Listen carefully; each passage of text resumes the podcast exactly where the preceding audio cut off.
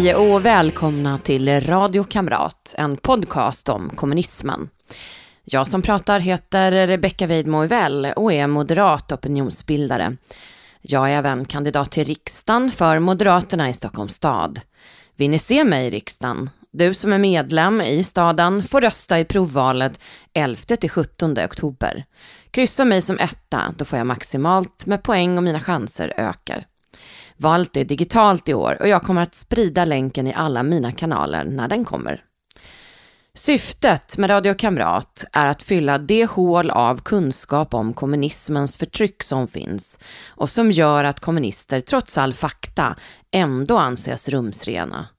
Jag vill med poddserien därför folkbilda och kommer att sända varje onsdag till valet 2022. Vill ni som stödjer mitt initiativ om folkbildning om kommunism bidra kan ni swisha till 123 444 5847 eller ännu hellre bli Patreon på patreon.com och sök efter Rebecca Weidmo så hittar ni mig där. Sponsra från 10 kronor per månad och uppåt. Podden har ingen annan finansiering så jag uppskattar om ni som lyssnar bidrar. Koncentrationsläger. Tankarna när ni hör det ordet går förmodligen naturligt till Nazityskland och Hitler, till Auschwitz, Treblinka och Dachau kanske. Men det är framför allt för att det är de koncentrationslägren vi har fått lära oss mest om i skolan. De som debatterats och visats upp mest i media. Men Hitler uppfann dock inte lägren själv. Det gjorde kommunisterna innan han ens tog makten i Tyskland. I detta avsnitt kommer jag fokusera på de länder som genom historien tillämpat koncentrationsläger som antingen arbetsläger eller som utbildningsläger, som även Hitler kallade sina.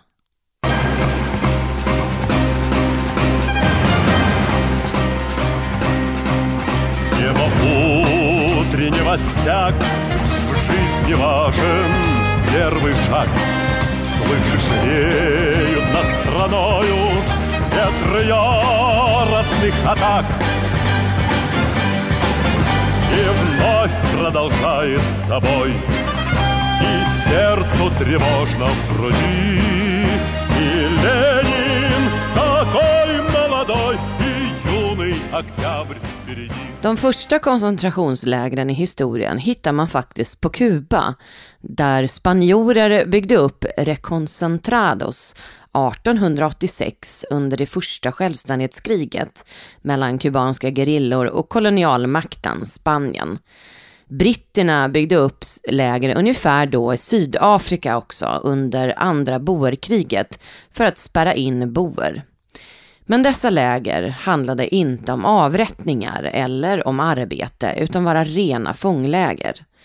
Under det första världskriget satt 8-9 miljoner människor i olika sådana här fångläger.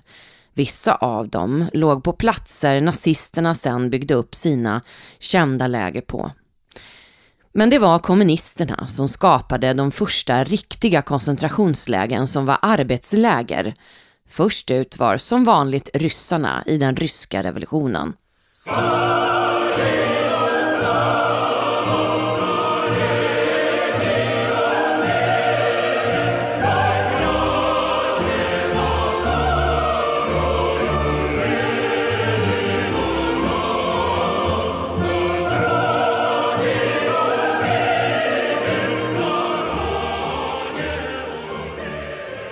Anne Applebaum skriver i sin bok Röd hungersnöd, Stalins krig mot Ukraina.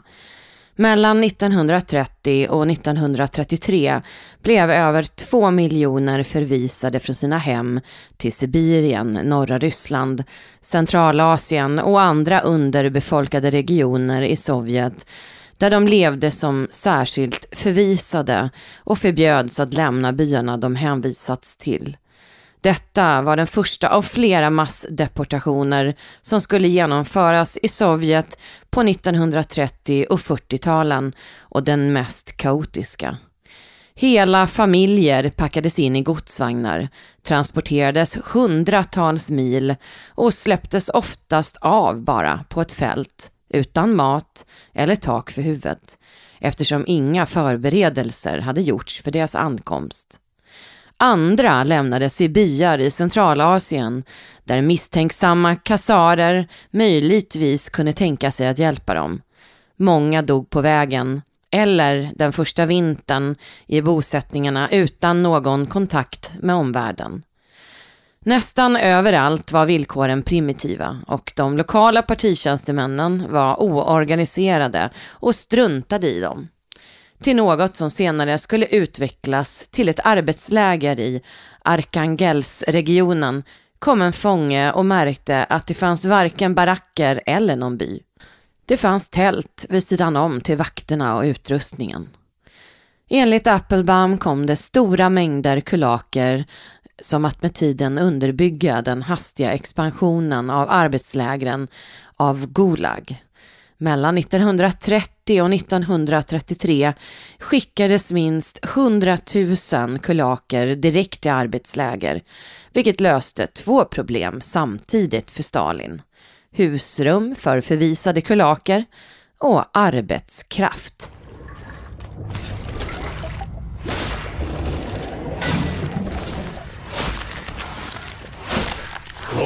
Холод, ветер, горный дождь, поток воды застыли. Большую ледяную мощь мы расколем дружной силой. Руби этот лед, чистый и злой, борись за любовь, а страх долой. Наслаждайся красотой, на куски разбей, ты сердце льда скорей. Ett dödsfall är en tragedi, en miljon är statistik, är ett av Stalins många citat. Ett annat är Döden löser alla problem. Ingen människa, inget problem. Beslutet att utplåna kulakerna var Stalins första massterrorbeslut i sin karriär. Många bönder gav därför frivilligt upp allt och anslöt till de kollektiva jordbruken av rädsla för att drabbas av samma öde som kulakerna. 1932 var 32 procent av lantbruken kollektiviserade. 1936 var siffran 90 procent. Men kolchoser var ineffektiva, produktiviteten sjönk och samtidigt krävde myndigheterna att de skulle leverera spannmål till städerna och till industrin. Då började staten att konfiskera spannmål.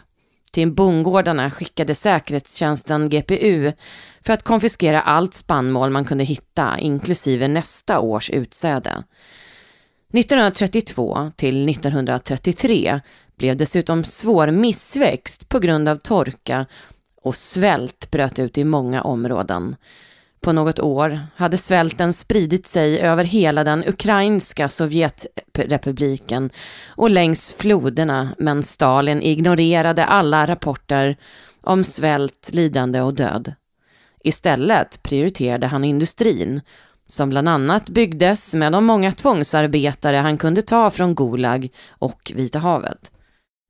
Eller ignorerade Stalin verkligen svälten i Ukraina? Ett annat alternativ är att han i själva verket utnyttjade situationen som uppstått och förvärrade den i politiska syften.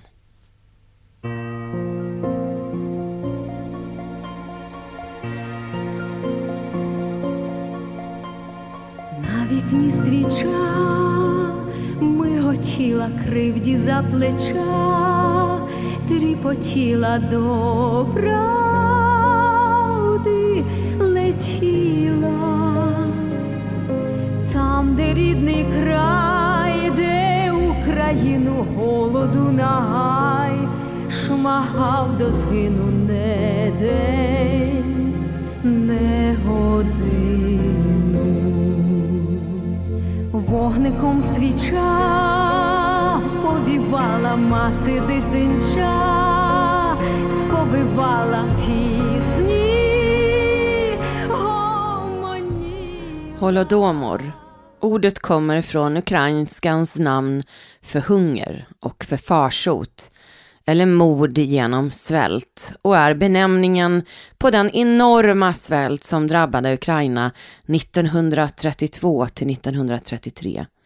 Den hade både naturliga orsaker på grund av torkan men också på grund av kollektiviseringen av jordbruken och deportationerna av just kulakerna där 75 000 kulakfamiljer, det vill säga 300 000 individer, deporterades just från Ukraina som var ett av de bördigaste områdena i Sovjet. Stalin passade på att utnyttja svälten som uppstod för politiska syften. Enligt Forum för levande historia skrev han den 11 september 1932 ett brev till politbyråkollegan Lazar Kaganovich att det ukrainska SSR måste kuvas. Det fanns nämligen en växande nationalism i Ukraina som Stalin inte såg på med blida ögon.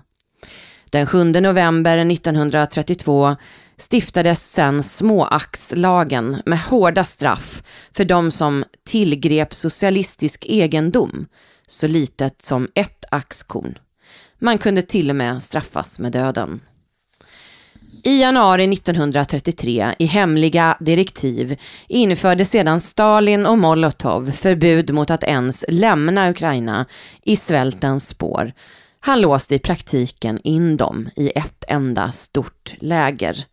I februari 1933 förbjöds journalister att resa in i Ukraina. Stalin konfiskerade också två ton spannmål från de redan svältande bönderna och transporterade det till städerna utanför Ukraina. Folk började äta maskar, fåglar, bark, grodor och gräs.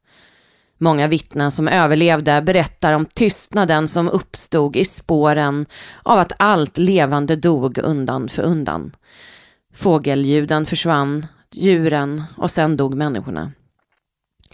Olexa Sunipul var tio år 1933 och berättar som överlevare i Ann Applebaums bok Röd hungersnöd.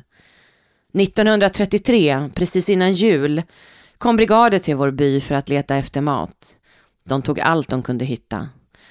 Den dagen hittade de potatisen vi hade planterat i vår farfars trädgård och på grund av det tog de allt från farfar och alla frön min farmor hade samlat för att så till hösten. Dagen efter kom de tillbaka, tog alla fönster och dörrar och allt annat i huset till det kollektiva jordbruket. När maten tog slut i byarna började tusentals desperata att tigga mat i städer Mat var tillgänglig i städer men strikt kontrollerad genom ransoneringskuponger. Men invånarna var förbjudna att hjälpa de svältande bönderna och läkarna fick inte hjälpa de skelettliknande byborna som lämnades att dö på gatorna.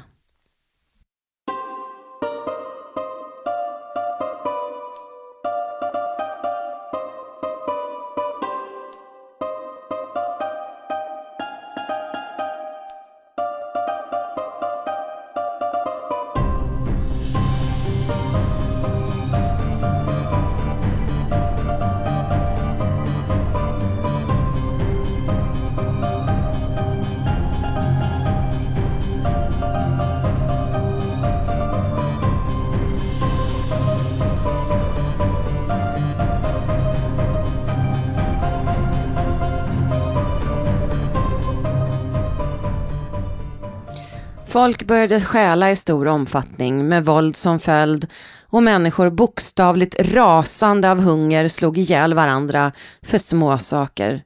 Vid sommaren 1933 var svälten så svår att människor började försvinna oförklarligt. Överlevaren Larissa Venchuk berättade för Ann Applebaum i National Post. På min gata försvann två flickor, döttrar till en granne, deras lillebror, sex år gammal, rymde hemifrån. Han gick runt i byn, stal och tiggde och när man frågade varför han rymt sa han Far kommer skära upp mig. Polisen sökte i huset och hittade bevis för att föräldrarna ätit upp sina barn. En annan man i en närliggande by arresterades också. Han hade blivit galen av hunger och hade efter att hans fru dött först ätit upp deras dotter och sen deras son. En granne hade noterat att han plötsligt var mindre svullen av svälten och han svarade Jag har ätit mina barn och kommer äta upp dig om du pratar för mycket. Barn som hade svultit ihjäl styckades och tillagades av föräldrarna. Folk sålde familjemedlemmars kroppsdelar på gatan i hopp om att själva kunna äta. Minst 2500 personer dömdes för kannibalism 1932 till 1933 i Ukraina.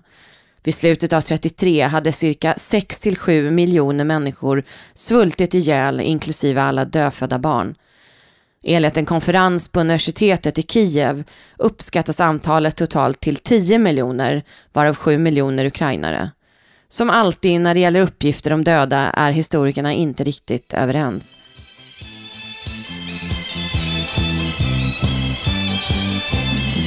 天上太阳红呀红彤彤哎，心中的太阳是毛泽东哎，他领导我们的解放哎，真理翻身当家做主人，咿呀咿自由呀呀自由啊，真理翻身当家做主人。 Mao var hack i häl på Stalin, som han älskade och såg upp till. Det finns olika typer av kinesiska läger, både arbetsläger och omskolningsläger. Arbetslägren kallas laogai, vilket betyder ungefär reformering genom arbete. Ofta var dessa fängelser fabriker där fångarna producerade allt från te till industriella maskiner. Kina döpte om dem till fängelser 1994 och även idag producerar dessa arbetsfängelser varor som säljs på världsmarknaden. I Shui till exempel fanns ett läger under det stora språnget där en och en halv procent av invånarna hystes. Allt från motsträviga bönder till partister som inte lyckades lära sig reglerna. Bestraffningarna var brutala, som prygel. Man ställde fångar utomhus hela nätter utan kläder. Andra lemlästades. Under 50 och 60-talet var kinesiska fängelser som fabriker.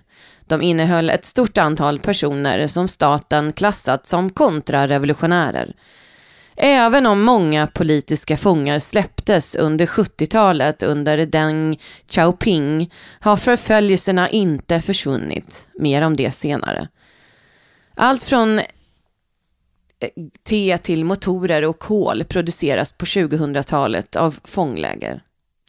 Boken Troublemaker and Long Laogai skriven av Harry Wu som satt 19 år i fängelset mellan 1960 och 1979 i ett av lägren för att ha kritiserat staten när han var en ung universitetsstudent beskriver en tillvaro där han nästan svalt ihjäl. 2008 konstaterade Laogai Research Foundation att 1045 läger fanns öppna i Kina eh, och mellan 500 000 och 2 miljoner fångar. Laogai finns fortfarande i Kina. I en artikel i Svenska Dagbladet av Ola Wong från 2013 stod det Arbetslägren är snart ett minne blott. Sedan februari har det inte kommit nya till vår anstalt säger veteranaktivisten Ding Wimin, 59 år, när vi träffas på en liten hotpot-restaurang i Chongqing i sydöstra Kina. Polisen grep Ding och satte honom två år i Xishanping arbetsläger nummer 0816 i Chongqing. Han blev en av de 100 till 160 000 personer som människorättsorganisationen Human Rights Watch uppskattar finns i Laogais. Ding visar upp sin lägeruniform med tecken för Lao-Jai, reform genom arbete, broderat på bröstet. Arbetet var att montera elkablar för Chang'an-bilar, en av Kinas största biltillverkare som även exporterar till EU.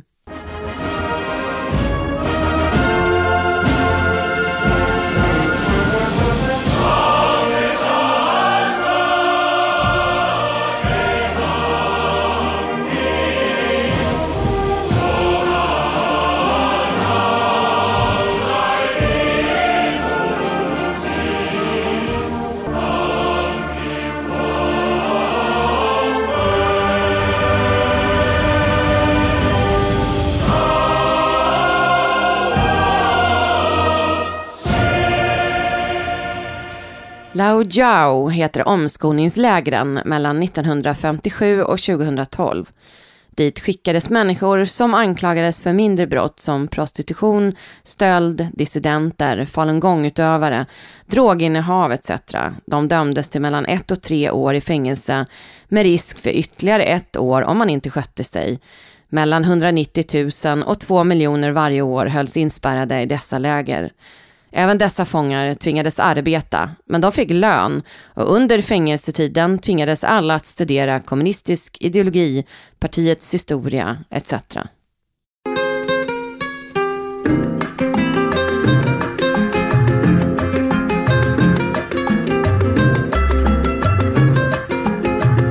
Aquí pensaban seguir ganando el ciento por ciento con casas de apartamento y echar al pueblo a sufrir y seguir de modo cruel contra el pueblo conspirando para seguirlo explotando. Y en eso llegó Fidel. Y se acabó la diversión. Llegó el comandante Fidel Castro och Che Guevara byggde upp en massiv kontrollapparat med hemlig polis, koncentrationsläger och revolutionära försvarskommittéer och Sovjet skickade delegationer för att hjälpa till redan 1960. Socialistiska länder har använt obetalt arbete i arbetsläger som en grundläggande del av både ekonomin och förtryckarstaten ett sätt att kombinera att få gratis arbetskraft och att omskola folk och förtrycka element av befolkningen som revolutionärerna inte gillade. 1960 utsågs Che till finansminister och ordförande för Riksbanken. För att uppnå det perfekta socialistiska samhället krävdes enligt Che Guevara den nya människan. För att skapa denna nya sorts kuban skapade staten en serie av partidominerade institutioner och mekanismer på alla nivåer i samhället. Vilket inkluderade arbetargrupper, ungdomsorganisationer, kvinnoorganisationer, kommunala center och kulturhus för att föra fram statssanktionerad konst, musik och litteratur. All utbildning, massmedia och kultur blev statliga och användes för att föra fram den socialistiska ideologin. De eh, första personerna som placerades i koncentrationsläger placerades i Guanahasabibes på den västra delen av Kuba och öppnade i slutet av 1960. En skylt med “Work will make you men” efter förelaga från Adolf Hitlers motto på Auschwitz Arbeit, macht frei mötte de ihop med taggtråd runt hela lägret och höga vakttorn med soldater med maskingevär. Fem år efter makttillträdet hade 15 000 politiska fångar spärrats in i Kubas läger och fängelser, de som inte avrättats. Homofobin delade Castro med Che Guevara och alla bögar och folk de trodde var bögar skickades till koncentrationslägren Lägren användes som en central del i det systematiska förtrycket och dit sändes dissidenter, homosexuella, katoliker, Jehovas vittnen, afrokubanska präster och alla andra man bedömde vara kontrarevolutionärer. Deras antirevolutionära beteende skulle korrigeras i lägret. Under förevändning att de skulle arbeta på den militära enheten för hjälpproduktion trycktes de in i bussar under gevärshot. Vissa skulle aldrig återvända, andra skulle bli våldtagna, slagna eller lemlästade och nästan alla traumatiserade för livet.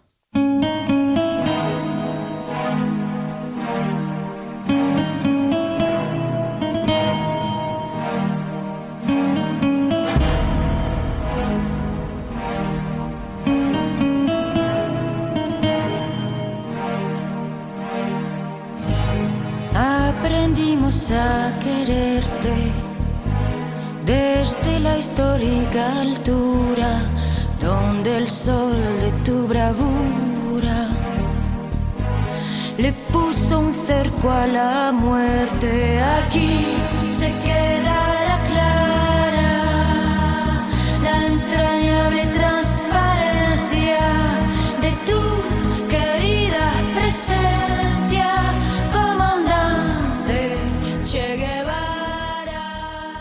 Barnett Kischer var tonåring när hon togs till ett arbetsläger på Kuba och spärrades in tillsammans med 500 andra kvinnor. I was a teenager There were all ages there. They put you in a line. They gave you a number. According to your number, there was the barracks where you would go. They identified you by this number. The youngest was a friend of mine, Nora. She was 16. There were women there who were in their 50s. Even though they had camps for people they were leaving the country, they also had camps for the students. The students were also sent to work in the fields. En av alla homosexuella Castros regim förföljde och förtryckte var Louis. Meet Louis, now 74. He survived one of Cuba's labor camps for gay men in the 1960s. When you ask him what it was like when, at 16, he was taken to a camp, he smiles and says, Everyone in my neighborhood said I was that way. If you ask him how bad it was, he'll tell you that the second day they yelled and yelled at me, Be a man, be a man, all day. De hade skyltar överallt. Revolutionen behöver män. Och de fortsatte att skrika åt oss att vara män och gay är inte män.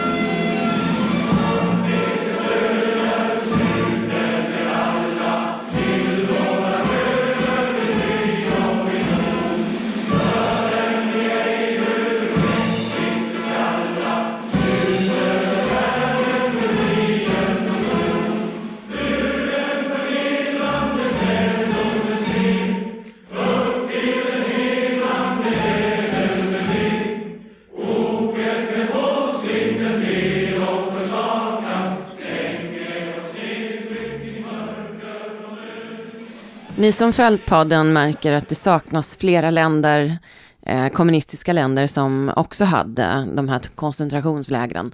Och jag kommer fortsätta prata och berätta om läger i nästa avsnitt. Tack för att ni lyssnat. Den eh, 11-17 oktober är det provval för medlemmarna i Moderaterna i Stockholms stad. Kryssa mig då. Gillar du podden, stöd den ekonomiskt. Jag tar till skillnad från ETC inte emot en enda krona av dina pengar, så bli Patreon. Glöm inte att prenumerera på podden så får du alla avsnitt automatiskt. Det var allt för mig. Tack och på återseende.